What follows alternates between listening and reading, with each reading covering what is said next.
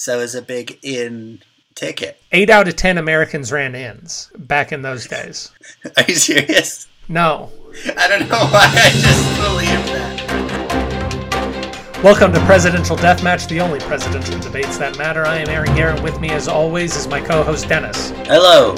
Tonight on the program, we discuss which president would win a three legged race, as well as is Martin Van Buren a mutant? Does Calvin Coolidge lack the will to compete? And what exactly is James Madison compensating for?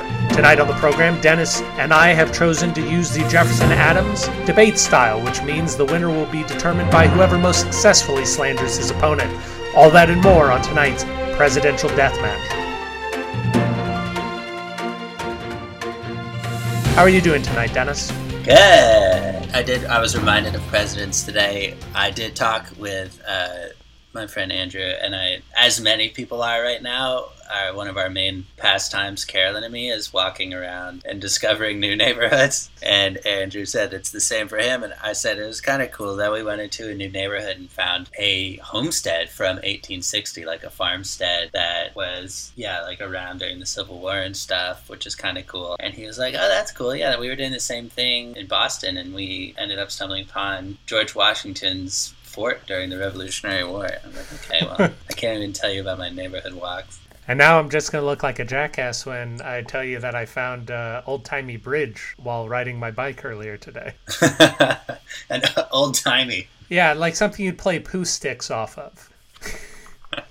uh, That's what I was picturing. Do you know barns are red because they have they have uh, blood in them? Or originally, No. the paint was animal blood uh, mixed with like some old timey uh, pesticide. But it's like farmers they could get the that cow blood on the cheap, so Yeah, mixed it right in. they really have an infinite, close to infinite source. Dennis! This is, of course, our second debate that we're having. We had a debate last week on which president could create their uh, best cocktail. You chose William Taft. I chose FDR. Of course, we used the Van Buren Webster debate model. Wherein we only counted the votes of New England lawyers. And while I felt that I had a winning argument, that I was cool under pressure, and frankly, that you were a little bit demented. I think you fell into a character at one point in the debate, and I thought that clearly I should win this. Uh, you were the victor by about 300 votes. 300 votes. Uh, surprisingly, it was uh, early returns were really good for me. You know, we we had about 60 votes, and and I think I was leading 40, 40, 20, a pretty healthy lead. But then right then at the last minute, we got a sudden influx of hundreds of votes for you, all out of a town called Rupert, Vermont.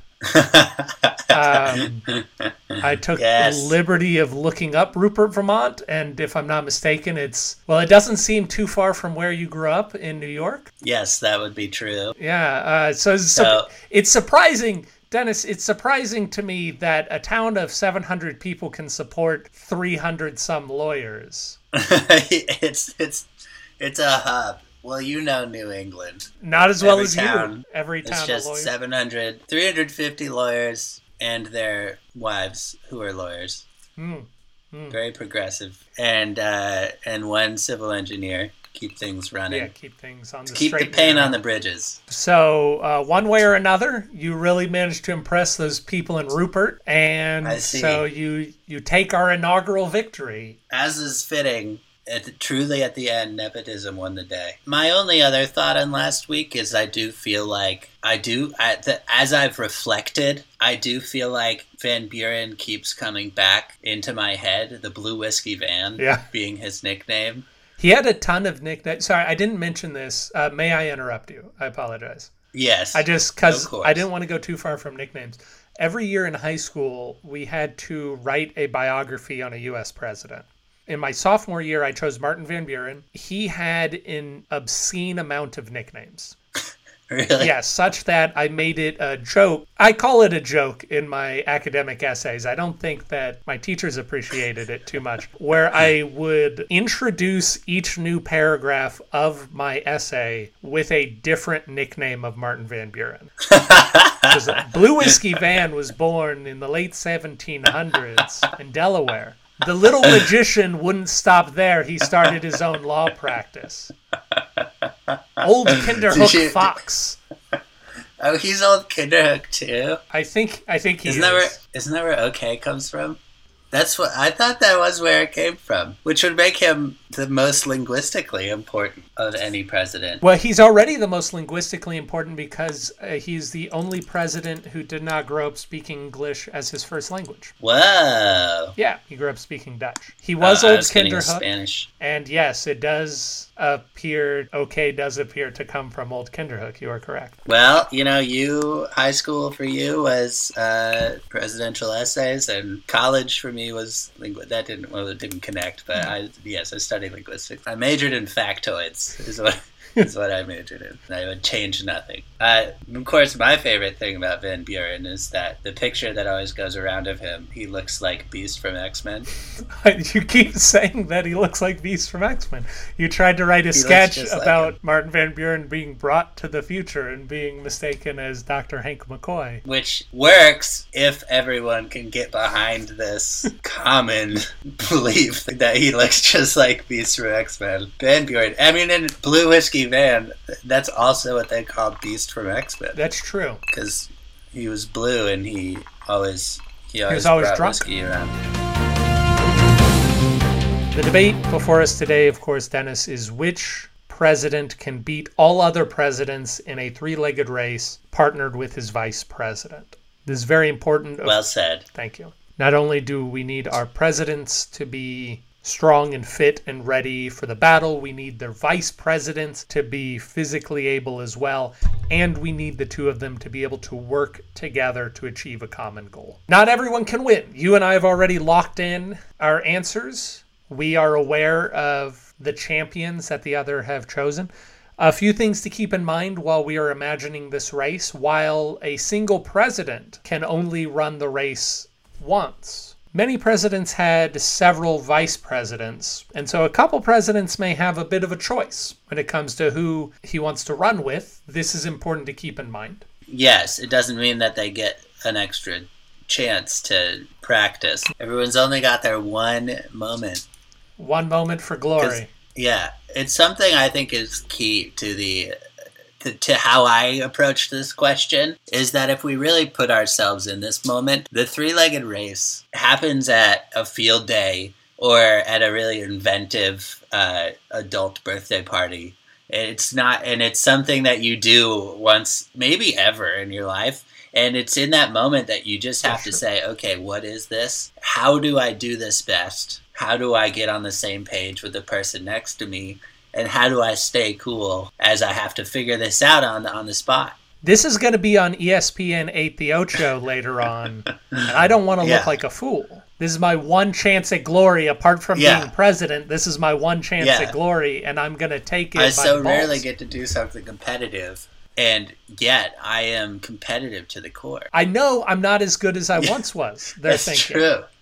I know my buddy next to me, he's not as good Yeah. as he once was. But we're going to work together. I think we're going to surprise the world. Yeah.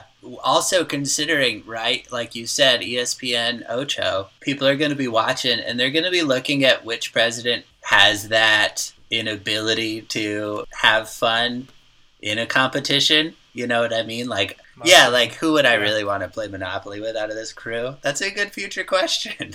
not not who would win, whi- which president would win at Monopoly, but which president could I play Monopoly with more than once? Like, are you still getting along with that person next to you in this competitive moment, or have you started to lose it on them because you feel like they can't keep it together? And I think that's key. There can only be one winner, but on this storied adult field day, there are many stories that are going on.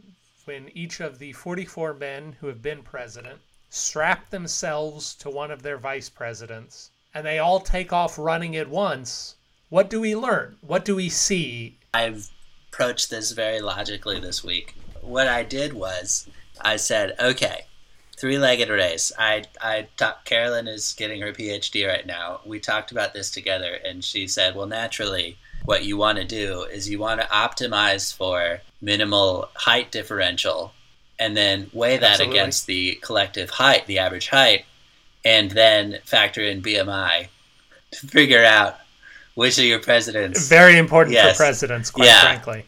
so we built a spreadsheet and got all of the heights and weights of all the presidents and vice presidents that we could find, and then and then did exactly what I'm saying.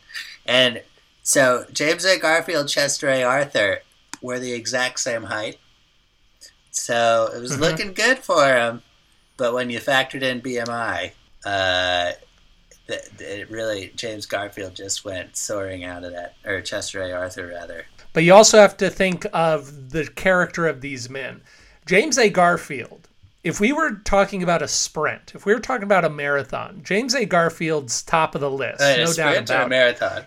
Either one. I'm saying he could win at either a sprint or a marathon. Oh, okay. he was he was an excellent athlete, which makes me think that he could carry a mediocre athlete such as Chester A. Arthur quite well, except Chester A. Arthur would never show up on a field day. He was a very fancy man. He did not like getting himself dirty.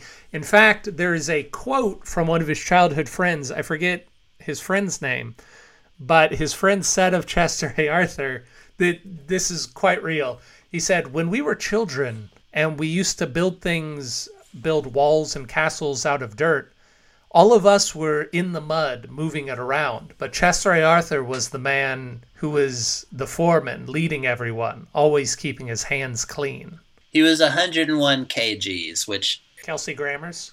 yes, 90, he's 101 Kelsey Grammers, which if you can imagine, I mean that's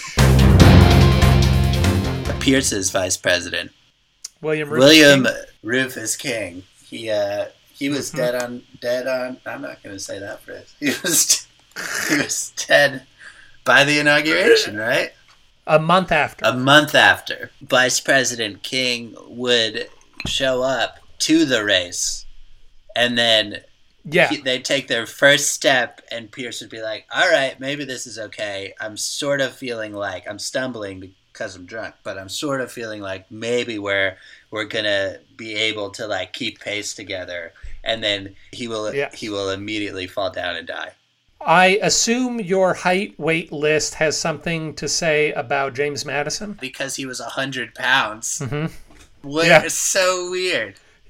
He's a, a shortest president, five four, if I'm not mistaken. Yeah, he he yeah, he was so tiny, like so weirdly tiny. But I guess it was a long time ago. No, he was weirdly tiny for, For the day. day. It's just like You're compensated. They quite literally said you're compensated for something. I often imagine as like very Ivy Leaguey types. I mean, some it depends on the ones, but like Mhm. I imagine him that way, and it's so easy to imagine him as like kind of you know like like just eating bread and like reading, you know, just being yeah, small. drinking milk and getting a Yeah, you can ache. see like a blue vein in his forehead all the time. One of our most physically fit presidents has to be Teddy Roosevelt. He was also intensely competitive. I can only assume that Theodore Roosevelt wants to win this badly, but neither of us chose Yeah. him. So why why did Teddy Roosevelt and Charles Fairbanks not win this three-legged race? So race? you want my take? He's too competitive because I think that in a three-legged race, you have to be having fun. It's the same reason that I disqualified one of the top contenders on my spreadsheet oh, who's that? with only with only a one centimeter difference, or maybe it was a few, with only a three centimeter difference in height, and the best BMI of any of the presidents, according to the spreadsheet that of the oh. info we got, was was Jackson Calhoun, Andrew Jackson. oh yeah. Oh yeah, no. and John C. Calhoun. But a few a few things. One is That's not good. yeah, he liked to get in fist fights. He was, I'm a very competitive guy, And I don't think you can mm-hmm. bring that kind of intensity. Like, if you're going to get a nosebleed, you're not the guy who's going to win a three legged race. And they also hated each other. So they're not, they're going to be bickering the entire Yeah. time. And bringing up that rounding the, the, the other end again. There was a strong team, a strong team that was fielded. An exception was made.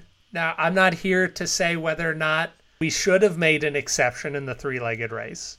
Inclusivity is a good thing. But they allowed Franklin Roosevelt to to roll the race. How they did the contraption, I'll never know. But Franklin Delano Roosevelt begins running this race with John Nance Garner, and things are going really good all the way up till that halfway point when all of a sudden they're rounding the bin, and John Nance Garner says, now it's time for me to lead and franklin says no i think i'm gonna i'm gonna finish out another two legs of this race. And john said no no now it's my time. Franklin roosevelt just pushed him out and told harry truman to hop in. Harry truman's running his own race. He can't he can't jump in there for franklin. Franklin gets disqualified at the 50 yard line. In this 100 yard roundabout uh, two direction bi-directional three-legged race is key Tell me what your spreadsheet says. But my gut tells me that physically, Warren G. Harding and Calvin Coolidge have got to make a formidable pair. They just don't have the will to. they compete. do not have the will to compete They're very laissez-faire. They're very. This will be fine. It's a nice Yeah. day. Things will be good. We'll let other people take care of Yeah. this race. Which again i think it's good to have a touch of that but t- they have too much Yeah, the two Yeah. back. yeah i have one final duo one final duo that's just an obvious one but the nixon ford duo they did well on the spreadsheet but obviously ford would immediately trip and fall Surprisingly, Nixon is not the person who takes that. yeah, you down. would think he'd be going in. Nixon takes his other pairings down, his other potentials, but his his uh, his lack of ability to uh, create a trusting relationship is not what's bringing them down, but in fact, Ford immediately falling. Just to the ground. gravity. Just gravity. And we're back for our debate this evening. During the break, Dennis and I took off the mittens of friendship and donned the dukes of combatanship. And we swear to you we will not let our personal relationship get in the way of discovering the truth of which president would win a three legged race with his vice president. As the suspicious winner of last week's debate, Dennis has elected to go first, and he will be arguing in favor of Barack Obama and Joseph Biden as the eventual winners of this race. I will go second, and I will argue the merits of Lyndon Baines Johnson and Hubert H. Humphrey. Dennis, your time begins now. There are times when a problem is complicated and it falls to more than just science. And this is one of those times, but that does not mean that science does not play a role. And when we do our due diligence, when we consider the physical attributes, when we consider the experience of the individuals, they both athletically and militarily, when we look at the uh, their knowledge of a three-legged race. The people who who who rise to the top uh, are far fewer than than the full list of presidents. Again, the and and this and this is why uh, Obama, Biden end up on the short list. But what puts them at the very top? Because it's not just BMI, it's not just height, it's not just athleticism. Those are the obvious reasons. But what brings them to the top is is that is is that when you're thinking of a three-legged race you think to yourself wouldn't it be nice if you could just find a president and vice president who happened to run in step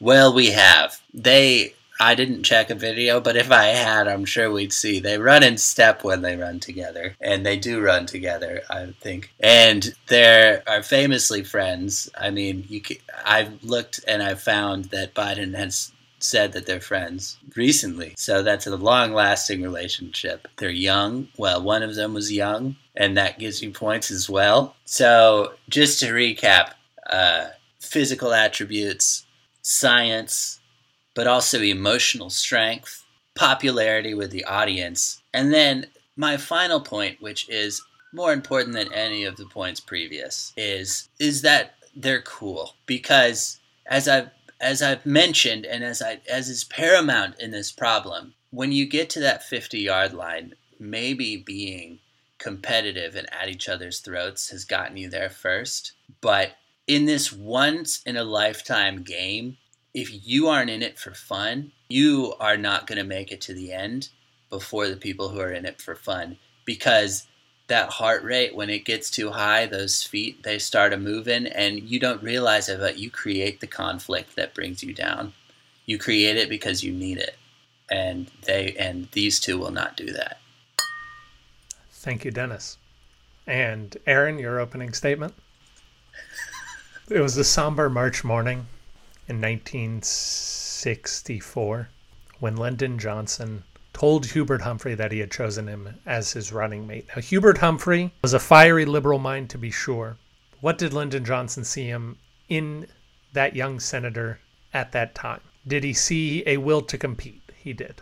Did he see a strong will to do what was right? He did. Did he see a man with whom he could discuss important issues. He did. Did he see a man who was physically up to the task? He did. Lyndon Johnson plucked the one man who could stand with him. Lyndon Johnson was no fool. Lyndon Johnson knew every inch of the Senate, every inch of this country. And when he could pick the one person who would stand by his side for four years, he chose Hubert Horatio Humphrey. Now, some people may say that that has no bearing on what happens in a three legged race. And I say nay, because a three legged race is not just a race of legs, it is a race of wills. It's a race of fortitude, it's a race of focus. A melding, much like a marriage, it is a melding of two souls into one soul for but a brief, brilliant moment in the sun. And when they begin, they are in step. And when they begin to falter, they quickly course correct. Lyndon Johnson leading, Hubert Humphrey following. When they get to the place to turn around, they do so admirably. And when in that final stretch to the finish line, Lyndon Johnson looks down and sees the hunger in his partner's eyes, he silently but powerfully says, Hubert, it's your turn. I will metaphorically step back. I'm physically stepping forward with you, but you will set the pace for these last few moments in our race together. And Hubert Humphrey, knowing what Lyndon thinks, accepts, and leads. There's no doubt in my mind that Hubert Humphrey and Lyndon Johnson take the crown. Dennis, your rebuttal? the idea. Okay, I'm sorry. I feel like I don't even need to rebut. I feel like my argument's made for me. I don't know who this man is that Aaron is describing, but to think of think of our friend, our Texan friend Lyndon, saying to anyone, "No, it's your turn.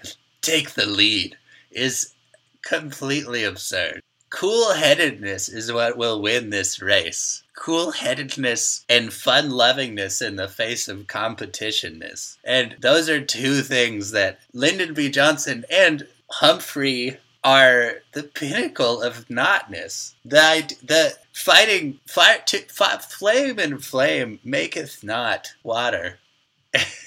and water is the coolness that we need here. What we need is two people who say, "Oh, a three-legged race. That sounds fun." That sounds like a fun time. I guess I'll, I guess, I guess we should do it, huh? And then they go and they say, oh, we should win this. This is fun. We're going fast. Big strides would win this. That's what they say. Let's try big strides. And they get to the 50 yard line, then they don't even see it as a turning point, even though they turned gracefully. Because to them, they're just they're just in it for the journey anyway. The only thing they're thinking is, oh, that's too bad that we're halfway done. What my opponent suggests is nothing less than an exaltation of mediocrity.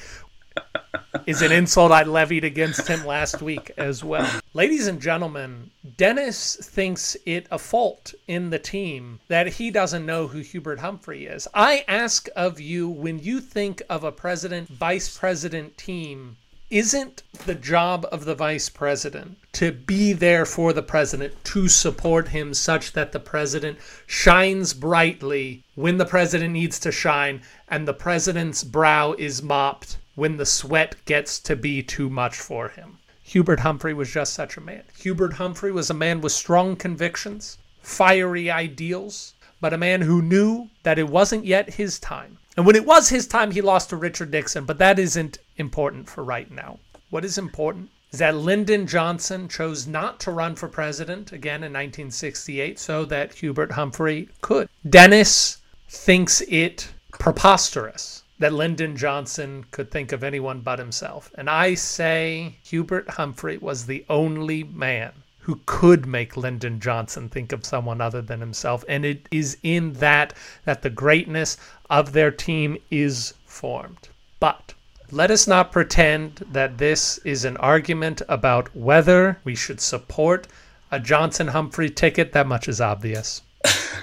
should Dennis be permitted to sneak in Barack Obama and Joe, I'm going to step on my dick, Biden? The man has no chill. I think we all understand this. It's not a quality we're looking for in him. But Joe Biden is not a man who says, Oh, let me into the three legged race. He's a guy who's like, Yeah, the three legged race, I guess I could do that, even while he has the little rubber band strap already prepared. He cares so deeply about this race that he is trying and failing to play himself off as being cool. Maybe Barack Obama feels that this is merely a race, merely a fun diversion. But Joe Biden sees it as he sees everything as a thing to make him look cooler than he is. We don't need Joe Biden to be cool. America doesn't need Joe Biden to win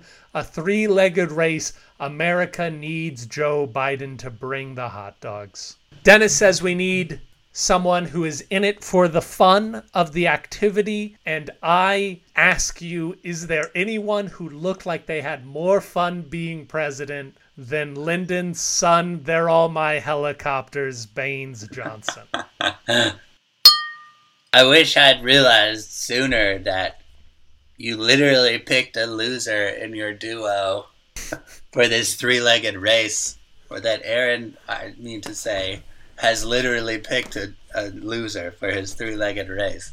To think that we want in our it, to think that the best we can do as America is a man who won and a man who lost is just tragic. What we want in America is we want a man who won and a man who won again and then another man who's also up for it and who gives us hope try to figure out which one I'm talking about there. Lyndon B. Johnson, sure, maybe maybe it looked like he was having fun sometimes, and I'm sure he was, but that's because he felt like it was a safe space where no one was about to challenge him to a game of backgammon. Lyndon B. Johnson is known to have thrown people against walls, and among them probably was Humphreys. My opponent is absolutely correct. What do we want from the man who's winning a three legged race? A person who turned around the racist ideologies of Minneapolis to make it a non racist place now, or mostly non racist place now. A man who was thought of as a brilliant fighter for the rights of people, lost primarily based on the dirty tricks of his opponent, along with another man who worked the hardest anyone's ever worked to become president. No, no, my opponent's correct. We instead want a man who ran for president in 1988 and lost, and ran for president in 2008 and lost. That's absolutely the man we think will win a three legged race. When you imagine who is crossing that finish line, imagine a towering figure taller than any man has a right to be, and side by side with him, a Midwesterner trying to keep up. That's who I think should win. And that was our debate. We hope you enjoyed it. If you want to weigh in on who won that debate, We will have a poll up probably wherever you found this episode. Dennis, we had a question come in from Chuck Stanfield. Chuck Stanfield asked, setting aside the the question that was just in front of us, who do we think would win a literal three-legged race, not a metaphorical three-legged race, but a literal three-legged race uh, between the presidents and the currently living presidents and vice president. Now, presumably, you think Barack Obama and Joe Biden, right? Because that's who you argued for in total. Yeah. I think that's a pretty good argument. Obviously, Obama is the youngest of them. Actually, I don't know how old Mike Pence is. I'm going to do a quick check. Barack Obama is probably the youngest competitor in that race. And Mike Pence doesn't seem out of shape, but certainly Barack Obama is, if not the most athletic, then the second most athletic of that field of 10 candidates, right? I'd say that's fair. And yeah, Biden, you know, he's a fit guy. He's old though. I don't know how fit he is. He could probably keep his mind on a race, I guess. I don't. Uh, Jimmy Carter and Walter Mondale are both still alive. Like Carter and Mondale got staying power. Is what I, I I don't I don't think they're in it to win. It. Yeah. If it was if it was a if this was expanded to a full field day, water balloon fights, Yeah. three legged race, I think Jimmy Carter would start to be really pulling his weight at that point. He's he's he's the uh, decathlete of the group, I would say.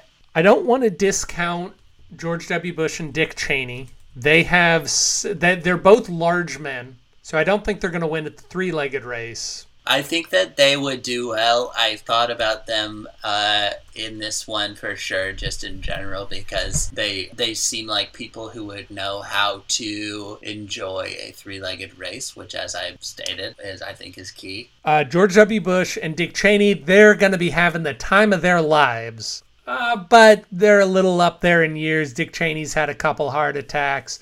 George W. Bush has gone in for a couple of surgeries. They're not ranchers anymore. And they might be so fun-loving too that are they so fun-loving that they wouldn't bother finishing? Like that they would start to find something more fun to do I think Dick Cheney makes them finish. Bush and Jimmy Carter, they end up Mhm. forming a strong bond during the water balloon fight. Like they end up, uh, you know, just face off moments with each other. We're like, ah, you're gonna throw it. Yeah. You're gonna throw it. You're gonna throw it. Dennis, I think you're forgetting about Bill Clinton. I am. clearly, Bill Clinton and George W. Bush are going to be the twin princes of mischief in this water balloon fight. Bill Clinton's gonna be the one who runs up to you and just pops the balloon you have in your hand. to bring it back to the original question that Chuck asked, we've got five teams doing a three legged race. How do you place them? Where do you think they go? Is Trump so upset after, you know, clearly Obama and Biden are outpacing him right at the beginning that he gives up and disqualifies his team? Yeah. Do, do you think he literally stopped? Okay, so we're putting number five, Trump Pence, uh, self disqualification. Yeah, if we're there watching, I think that we we're like, oh yeah, he disqualified himself. If we're reading in the news, I think maybe there'd be claims that he won. Is there any way for nonagenarians, Walter Mondale and Jimmy Carter, to get place any better than four? I don't know, cause that cause that the remaining ones are are yeah are pretty good. I think that they graciously join. Amy says, Hey, Dad, can you do the three legged race? It'll be real fun for everyone. It's like, okay. Yeah, And they do the race. And I think they go to completion. I think everyone's excited when they finally make it across the finish line. uh, they're a distant fourth. Maybe also because they're focused on the longer they take, the more chips they end up collecting for their donations to charity for worms. So now we're at the real competitive spot. Yeah, We got Obama, Biden, Clinton, Gore, Bush, chain. which of the silver-haired mavens takes the silver? That's the question. You've got the information in front of you. I think that Gore and Clinton get a little too serious for their own good. I think they're neck and neck for a long time, but then like Gore forgot to take off his jacket before they started the three-legged race. Uh, ultimately, I think that Clinton Gore come in third, close third. I've checked the numbers, and one thing I will say that challenges what your your claim is is that Clinton Gore have a far better height ratio. I think that even if they are perhaps not the most physically matched of people, that Bush and Cheney's love of the game catapults them to second place. That's fair. I do think, like you said before, I do think that Gore's he he doesn't like to lose, probably particularly now. I don't think, especially not to Bush. especially Bush. not to Bush. So maybe they don't. Maybe they don't finish. Maybe they're steps away, and then as soon as Bush crosses the finish line, Gore falls to his knees. Dennis, I think that's going to be all for us for today. What is our debate question next week? Which president would develop the best relationship with a barista over an extended period? Excellent. If you want to submit debate questions that Dennis and I will answer during that debate, you can do so on our Facebook page. Please remember to vote in the poll wherever it is we put the poll. Presidential Deathmatch is recorded by Aaron Garrett and Dennis Buddy and edited by Aaron Garrett. Music is by David Feslian. You can find more at pronoiatheater.com. Find us on Facebook. Send us an email, pronoiatheater at gmail.com. That's P R O N O I A at gmail.com.